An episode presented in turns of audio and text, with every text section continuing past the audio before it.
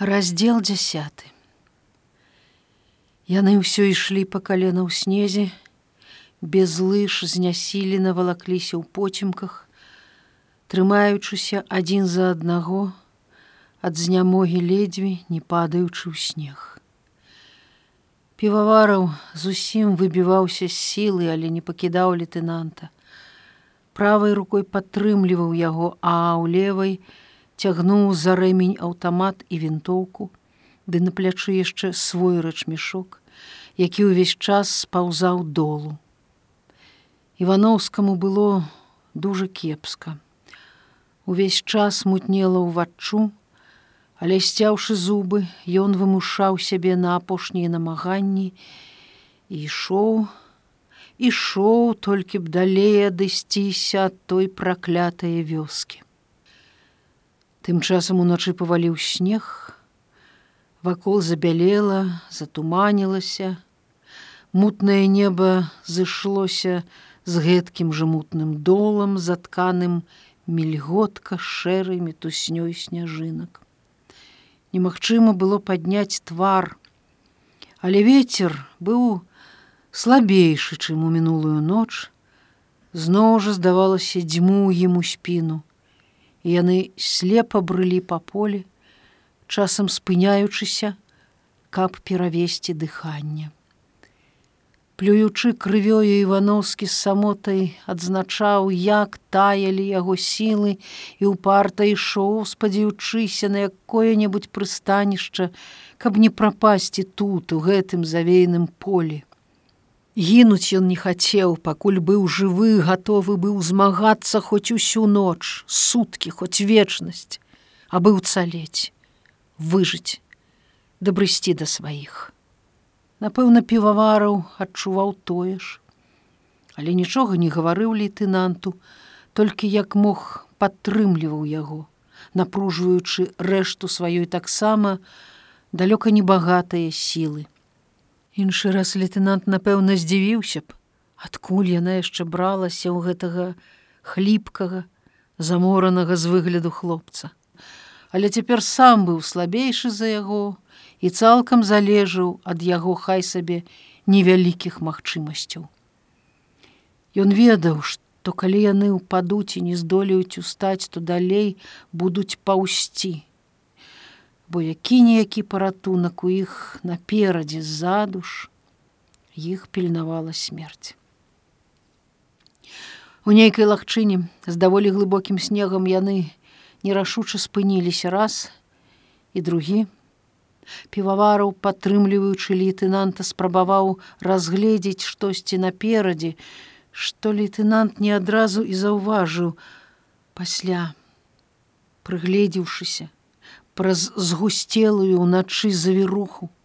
Ён таксама ўбачыў невыразную цёмную пляму памеры якой як і адлегласць да яе угадаць было немагчыма. Гэта мог быць і куст побач і некая будыніна воддаль і дрэва елка ці сасна на ўзлеску. Тым не менш гэтая пляма насцярожыла абодвух і падумаўшы півавараў апусціў івановскага долу Я схожу, гляну.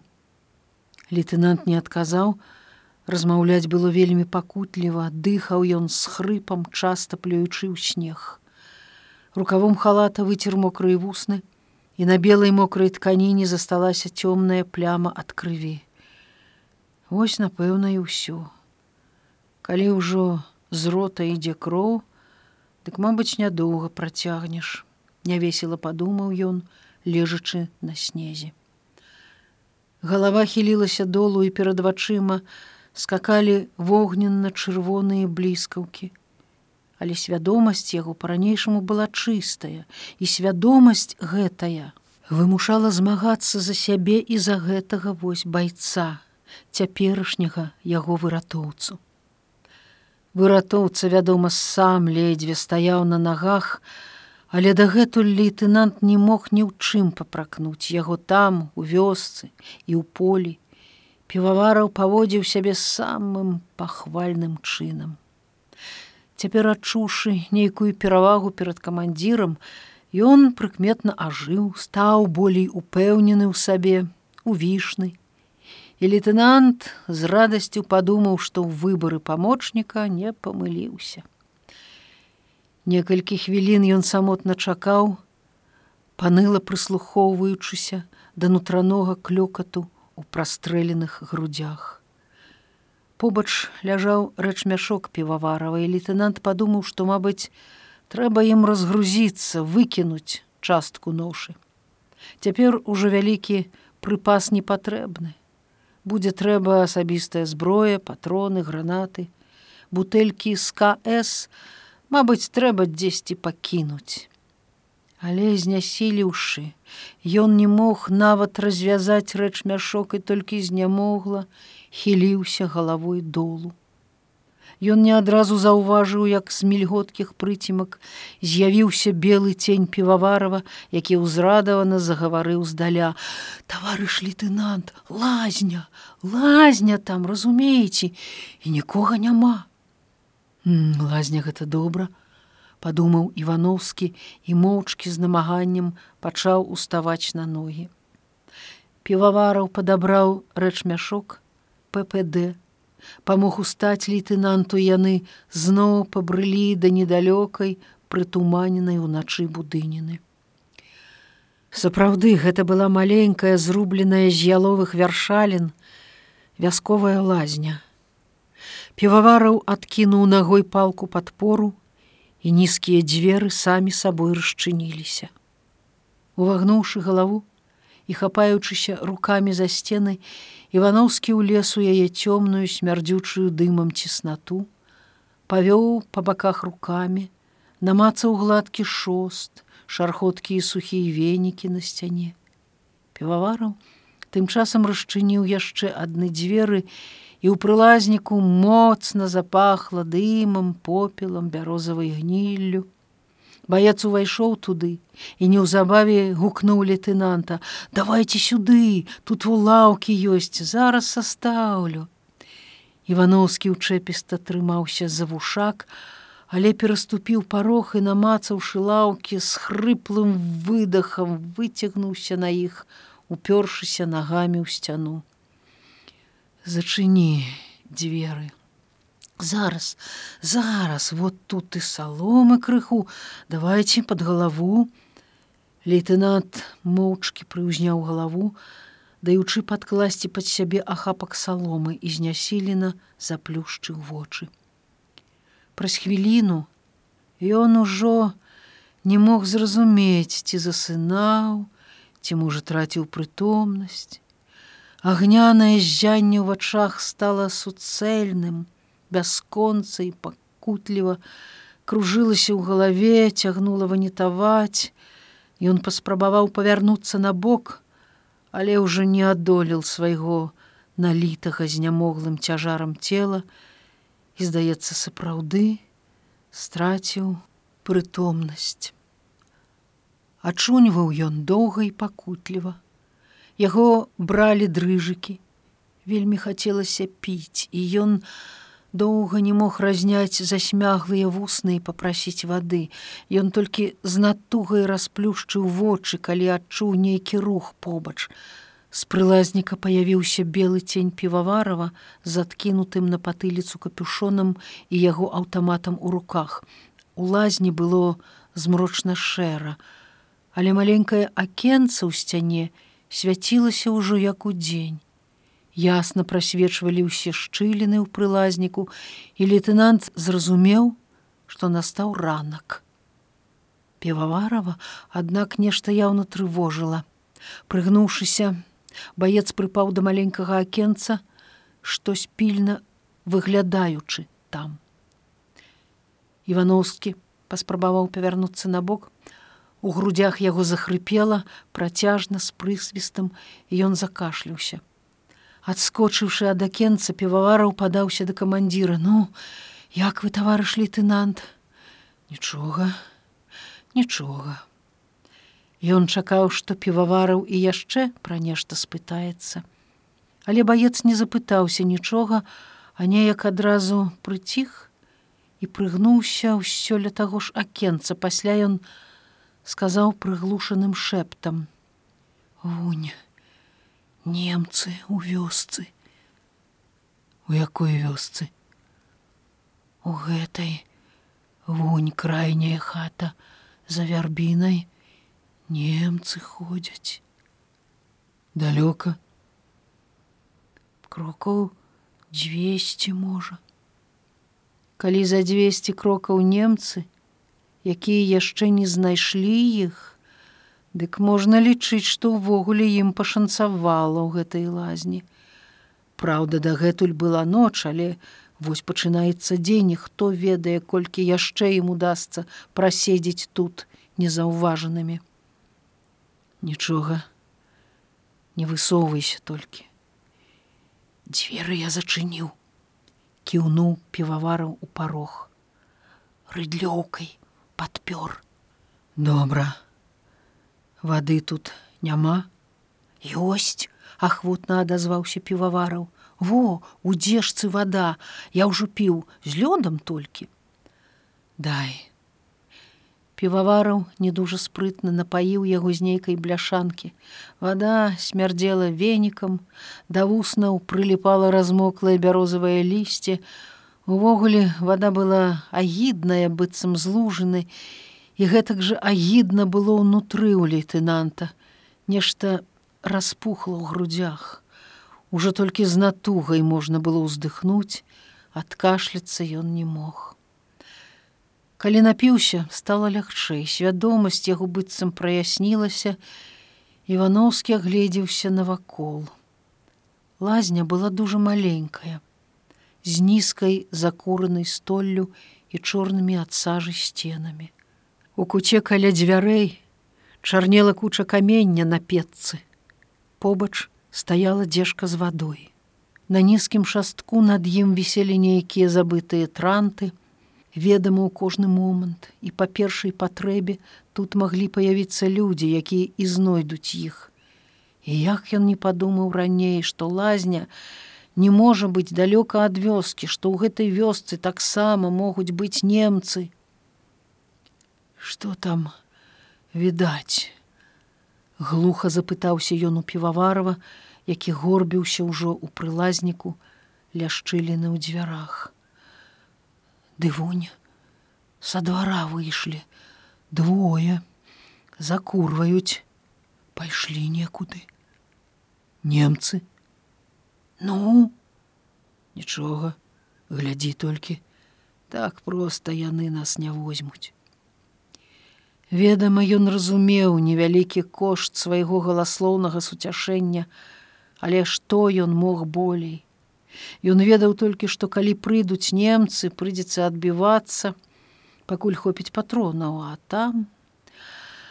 Але можа яшчэ і не прыйдуць. Можа яны зусім пойдуць з вёскі. Можа яны ў ёй толькі начуюць. Дзіўна.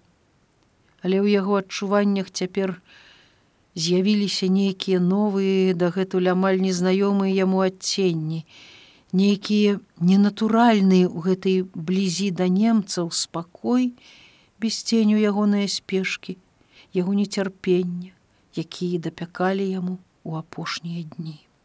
Цяпер гэта ўсё знікла кудысьці прапала.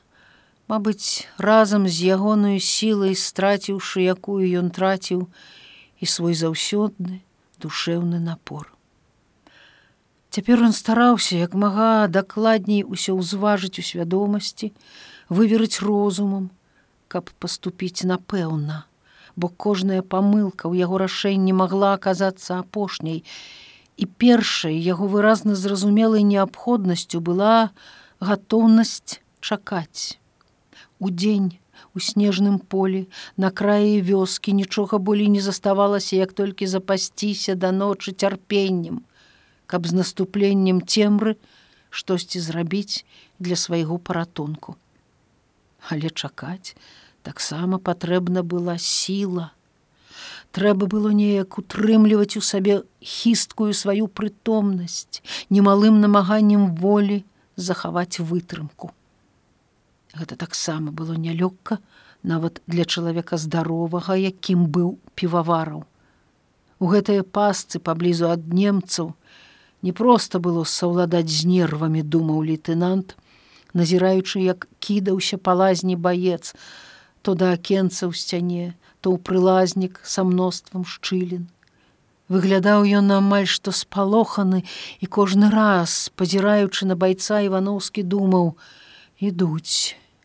Але, мабыць, каб супакоіць камандзіра, ды і сябе таксама, півавараў час ад часу прыгаворваў услых: хтосьці на сцежку выйшаў, да калодзежа быццам, ага, нейкая цётка з вядром яшчэ праз хвіліну. О выходзяць не сталі стаять пайшлі кудысь куды пайшлі ад чорт іх ведае схаваліся з вуглом нічога не хвалюйся сюды не прыйдуць ивановскі не стаў забіраць у яго свой аўтамат падумаўшы, што ў выпадку чаго півавара ўправіцца з ім спрытней за яго. У лейтенанта ж засталася граната. Цяпер без гранаты яму немагчыма. Ён адвязаў яе ад дзягі і паклаў каля лаўкі. Побач стаяла прыслоненая да сцяны вінтоўка. Усё было под руками. Заставалася цярпліва чакаць, спадзяючыся на ўдачу. Сунуцца, тут і застануцца, сказаў півавараў, зазіраючы ў акенца. Праўда і мы. Івановскі зразумеў, што не даказаў півавараў і запытаўся нечакана: Жыць хочаш? Жыць амаль здзівіўся баец і ўздыхнуў. Няблага б. Але у тым-то і справа што але. Гэта але д'ябальскім праклёнам стала у поперак іх маладых жыццяў. Уцячы ад яго было немагчыма. У той памятны дзень яно бязлітасна рассекла свет на дзве палавіны, на адной з якіх было жыццё з усімі яго несамавітымі, але такімі патрэбнымі чалавеку радасцямі, а на другой заўчасная, агідная, праклятая смерць. З гэтага ўсё пачалося і што б не здаралася потым. У наступных яго выпрабаваннях усё нязменна натыкалася на гэтае праклятае, але каб неяк абысці яго, абхітрыць, перамагчы на сваім шляху і прадоўжыць жыццё патрэбны былі неверагодныя намаганні, праца, пакуты. Вядома, каб выжыць, трэба было перамагчы, але перамагчы можна было толькі выжыўшы. У такое чортава кола загнала людзей вайна. Абараняючы сябе і краіну, трэба было забіць не аднаго, а шмат. І чым болей было забіта, тым болей надзейным было існаванне аднаго і ўсіх. Жыццё праз пагібель ворага, іншага выйсця на вайне, мабыць, не існавала. Але як жа яму цяпер, калі немагчыма і забіць, Ён мог толькі забіць сябе. Як бы ён не цешыў сябе да піваварова, Як бы не пяўся да дзеяння, ён не мог не разумець тую простую ісціну, што з прастрэленымі грудзьмі ён не ваяка. Тады што ж, ціха памерці ў гэтай лазні? Не толькі не гэта. Гэта было жахліва агідна амаль подла ў адносінах да сябе да гэтага байца якога ён таксама асуджаў на пагібель у адносінах да ўсіх сваіх пакуль жывы ён гэтага сабе не дазволіць. Ён нават спалохаўся ад гэтай недарэчнай думкі і прахапіўся з кароткага забыцця. Трэба было нешта прыдумаць, штосьці зрабіць. Магчыма, зрабіць зараз жа, не трацячы ні адной хвіліны жыцця, бо пасля можа быць позна. Кідаючыся ў льгаманкавых думках, ён доўга пакутліва перабіраў усе магчымыя варыянты для паратунку і не знаходзіў нічога. Тады зноў наступілі знямога, абыякавасць, гатоўнасць цярпліва чакаць да ночы. Праклятая вёска, который ўжо раз паўтараў ён сабе. Яна яго загубіла і трэба было так недарэчна наткнуцца на гэтага фрыца, які падняў крык, улезці ў перастрэлку, атрымаць кулю ў грудзі. Але ўсё ж нешта там ёсць. Гэтая цемра і сцішанасць, несумненная, былі штучныя, падтрыманыя строгай дысцыплінай немагчымай без цвёрдай улады вялікага начальства зноў жа антэны. Хутчэй за ўсё, там размясціўся нейкі вялікі, можа, нават армейскі іх штаб, бо ў глыбокім тыле маленькага штаба не будзе. Як дарэчы, было б нанесці па ім удар. Але як нанясеш? Самалёты цяпер не лятаюць, а настане добрае надвор'е тады шукай яго як гэтую распраклятую базу боепрыпасаў. Яму не шанцавала ў самым пачатку а ў канцы тым болей. Калі б не гэта раненне якое па сутнасці загубіла яго ужо што-небудзь ён бы напэўна прыдумаў. Можна было б наладзіць засада ўзяць языка. А цяпер як возьмеш цяпер яго самога можна ўзяць замест языка хіба што карысці ад яго будзе нямнога. Зрэшты, пакуль ён жывы, і ў яго ёсць граната, якой хопіць для абодвух і для гэтай вось лазні, яго ім не ўзяць. Відаць, на гранату цяпер уся іх надзея. Але ішоў час, а іх ніхто не трывожыў у гэтым цесным і цёмным сховішчы наводшыбе ад вёскі. Півавараў цяпер болей стаяў за прасценкам, зрэдку каменціруючы тое, што ўдавалася згледзець праз шчыліну. Але вось ён сціх. Мабыць, нічога асаблівага там не было відаць. І лейтенант раптам запытаўся ціха: « У цябе маці ёсць? Мабыць, гэта было дзіўнае ў іх становішчы пытання, і півавараў не зразумеў. А? Что вы сказали маці у цябе ёсць ёсць а як жа? І бацька? Не бацькі няма что памёр? Ды так няпэўна адказаў півавараў з маці жыў Калі б я наведала, як нам тут, во было б страху. Хорошая мама. Ну, просто пацвердзіў баец. Я ж у яе адзін, бывала ўсё для мяне. Адкуль родам? Я з-пад пскова ёсць такі гарадок порхаў, можа чулі, там жыў. Мама ў школе настаўніцай рабіла. Кажаш, шкадавала. Ну, яшчэ як. Просто смешна было. З хлопцамі, калі падурэю трагедыя, сняданак не даем, трагедыя. А ўжо калі захварэю, о, Усіх дактароў на ногі падніме, тыдзень лякарствамі карміць будзе смешна было. А цяпер не смешна. Цяпер не смешна уздыхнул лейтенант. Мама, золото. Я ў яе адзін, Але же яна ў мяне таксама адна. У нас там і радней ніякай. Мама з Ленінграда сама. Да рэвалюцыі ў піцеры жыла. Колькі мне пра піцер рассказывала, А я так ні разу і не з'ездзіў, все збіраўся, збіраўся. Ну, цяпер пасля вайны хіба пэўна пасля войны. Я ведаеце я нічога я не надта заб'юць ну і што ж? Маці шкада маці вядома шкада. Моўчкі пагадзіўся івановскі зрэшты шкада і бацьку таксама нават такога якім быў яго ветэрынар ивановскі не вельмі каб добры і не надта разумны. Аматар пагутарыць з мужикамі і нават выпіць з выпадку.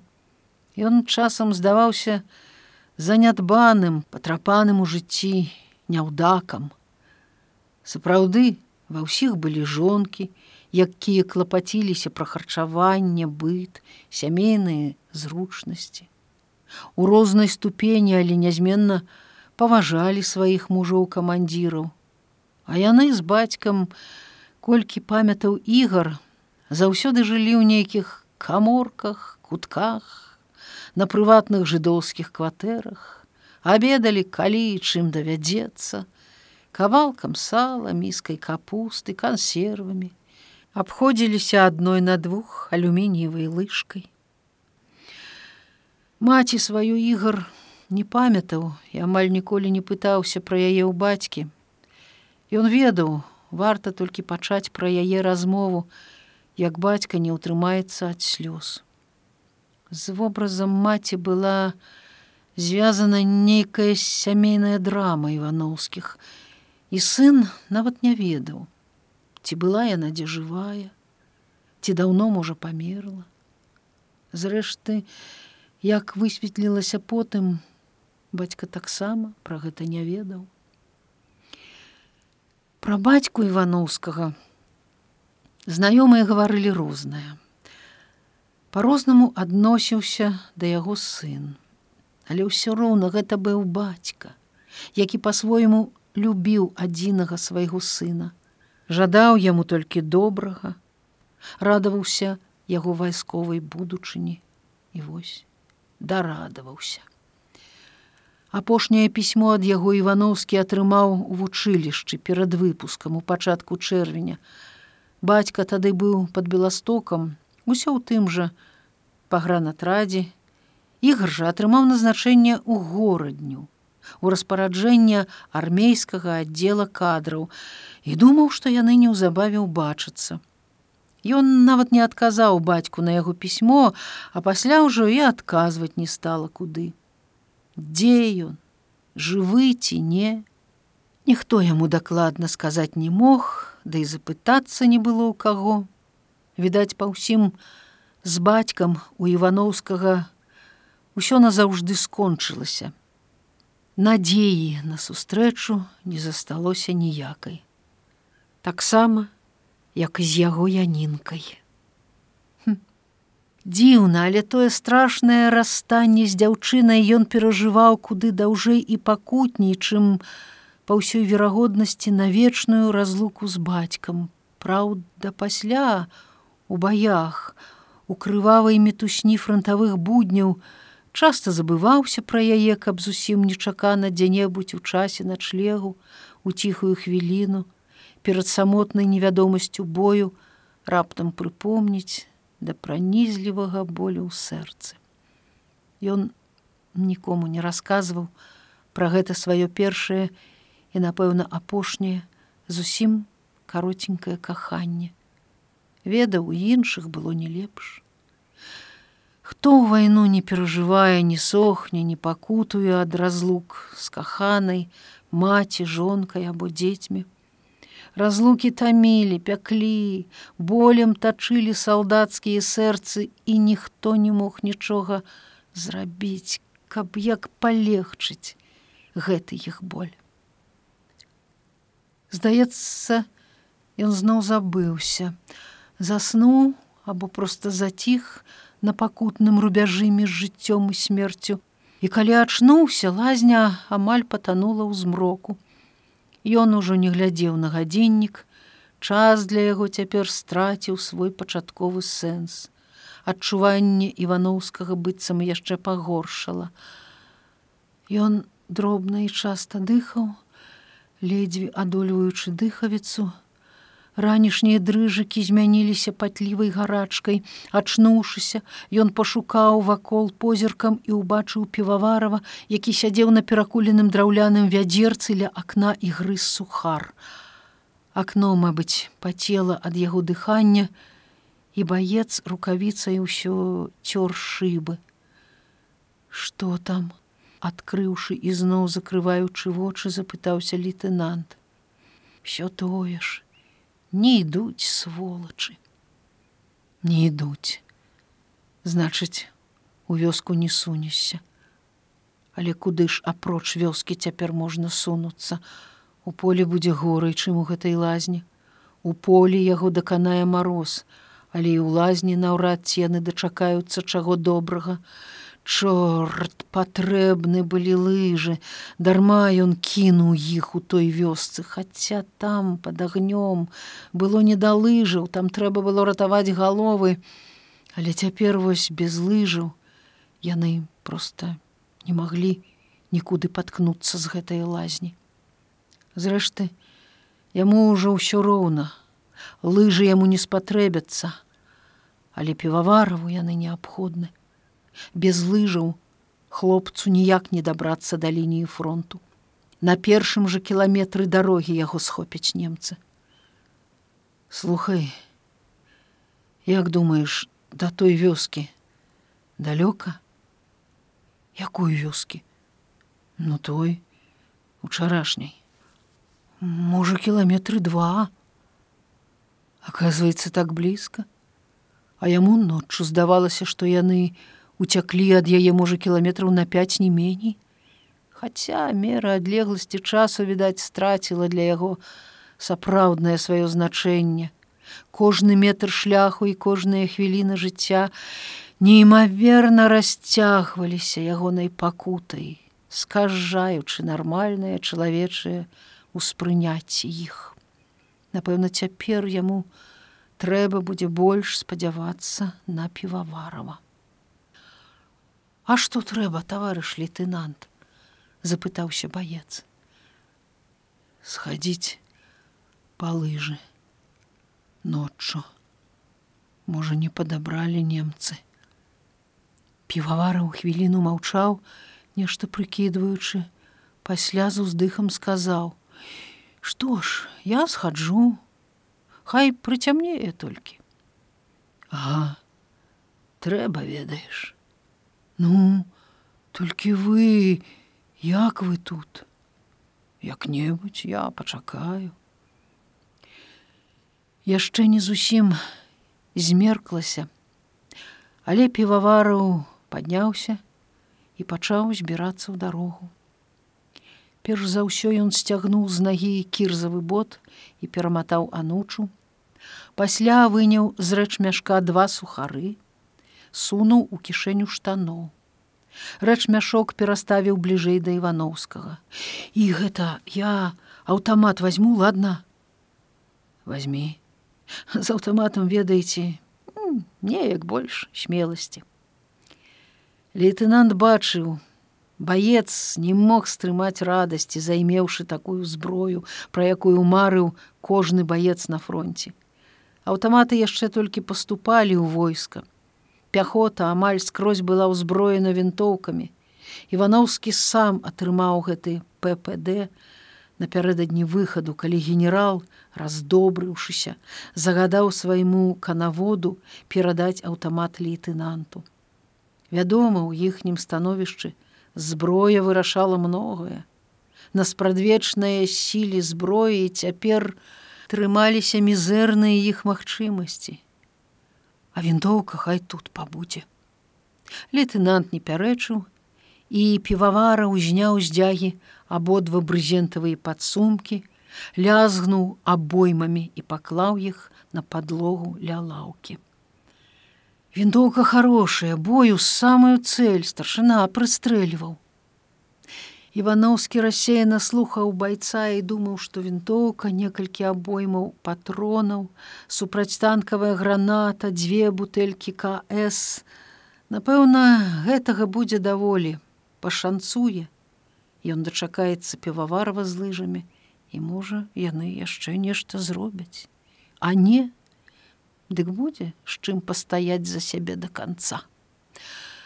Піваварыў пераматаў і другую анучу, падцягнуў дзягу і з яўным задавальненнем закінуў за плячо аўтамат. Здаецца, ён ужо быў гатовы выправіцца ў недалёкі, але хто ведае, наколькі бяспечны свой шлях. Каторыя на вашых там пяць ужо. Ну, я за гадзінку ўправлюся тут недалёка. За якую гадзіну ён управіцца, яны зноў будуць разам. У хвіліну новага расстання Івановскі адчуў, як увогуле няблага яму было з гэтым ціхмяным, цягавітым хлопцам. Як, напэўна, нялёгка будзе цяпер у адзіноце перажыць гадзіну. Раз'яднанасць значна аслабляла іх сілы. У дзеянні уступала дзіўная, не зусім суладная з матэматыкай логіка, калі два падзеленыя напалам складалі менш за адзінку. У той час, як у іншых выпадках дзве разам складзеныя адзінкі былі болей, чым два. Напэўна, такое не надта супадала і з нармальнай логікай і было магчыма толькі на гэтай вайне. Але што гэта менавіта так?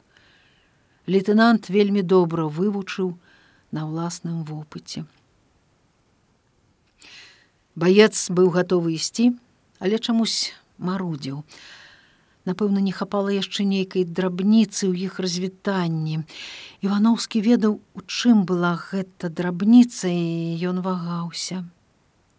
Паявілася апошняя магчымасць паткнуцца ў тую праклятую вёску і паспрабаваць, што колечы выведаць пра той штаб. Хоць бы ў агульных рысах каб не з пустымі руками з'явіцца перад генералам і хоць бы ў малой ступені апраўдаць іх прыкрую няўдачу з базай. Але ён не мог не ведаць таксама, што самая малая неасцярожнасць піваварова магла абярнуцца адразу трайною бядой, назаўсёды, пахаваўшы іх і без таго нікчэмную магчымасць выканаць свой абавязак і жывымі вярнуцца да сваіх. Дык я пайду, таварыш лейтенант, рашыўся півавараў і ступіў да парога. Лейтенант сказаў: « Пагадзі, ведаеш, я не загадваю, глядзі сам, але можа, як-небудзь, што там у вёсцы, каб дазнацца як, Ён змоўк. Півавараў насцярожана чакаў, але не дачакаўшыся болей нічога сказаў проста: добра я паспрабую штось у івановскім нязгодна запратэставала амаль закрычала ў яго прастрэленых грудях што значыць паспрабую ад спробы не шмат карысці тут патрэбны вужачая хітрасць упартасць вытрымка а то апроч усяго трэба яшчэ рызыкаваць жыццём. Але ён не мог гэтага растлумачыць байцу, штось перашкаджала яму гаварыць пра трагічныя, хоць і звычайныя на вайне рэчы. Да таго ж ён ледзь адужваў у сабе слабасць і боль і ён толькі ўздыхнуў. Глядзі, асцярожна. Ды ладно, вы не турбуйцеся, я ціхенька. Добра і нядоўга.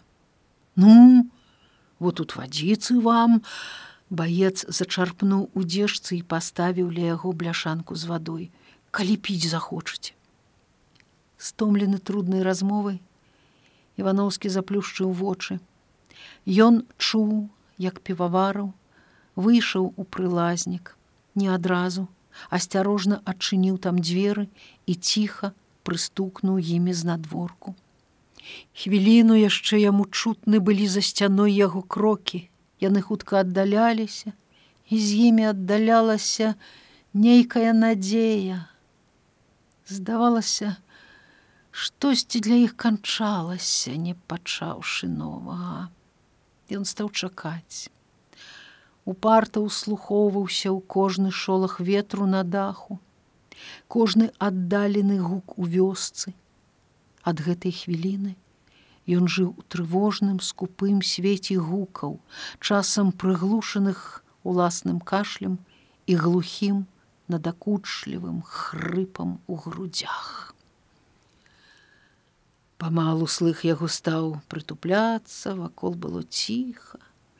Ягонай свядомасцю завалодалі думкі, якія дзівосна віліся ў часе і прасторы. Здаецца, ён пачынаў драмаць.